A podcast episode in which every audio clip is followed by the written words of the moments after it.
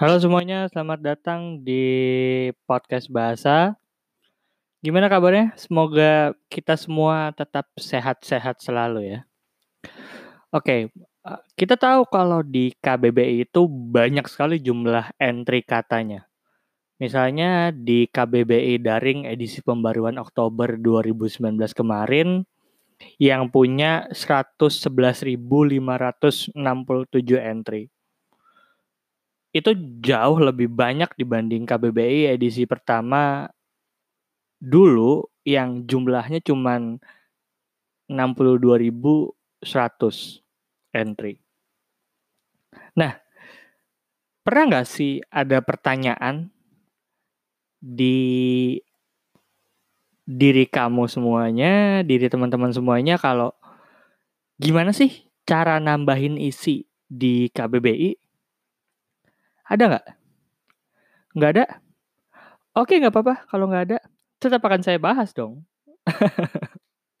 Oke, pertama ada beberapa syarat agar suatu kata bisa masuk ke KBBI menurut Badan Bahasa. Yang pertama, kata itu harus unik.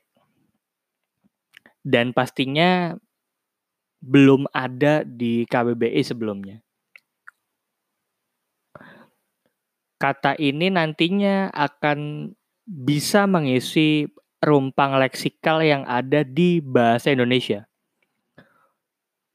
Dan kalau bisa, maknanya harus betul-betul berbeda dari kata-kata yang hampir mirip atau enggak kata-kata sejenis. Itu yang pertama. Selanjutnya, kata ini harus sedap didengar. Atau istilahnya euphonic. Kata itu harus menggunakan bunyi yang lazim di Indonesia.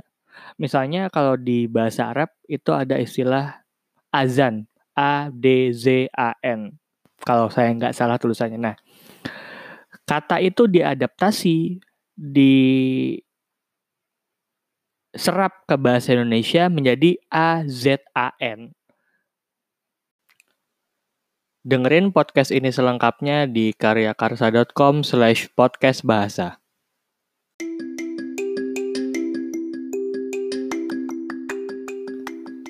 Halo semuanya, jangan lupa dukung saya di karyakarsa.com slash podcast bahasa.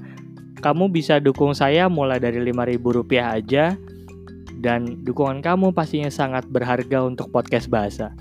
Jangan lupa karyakarsa.com slash podcast bahasa. Terima kasih.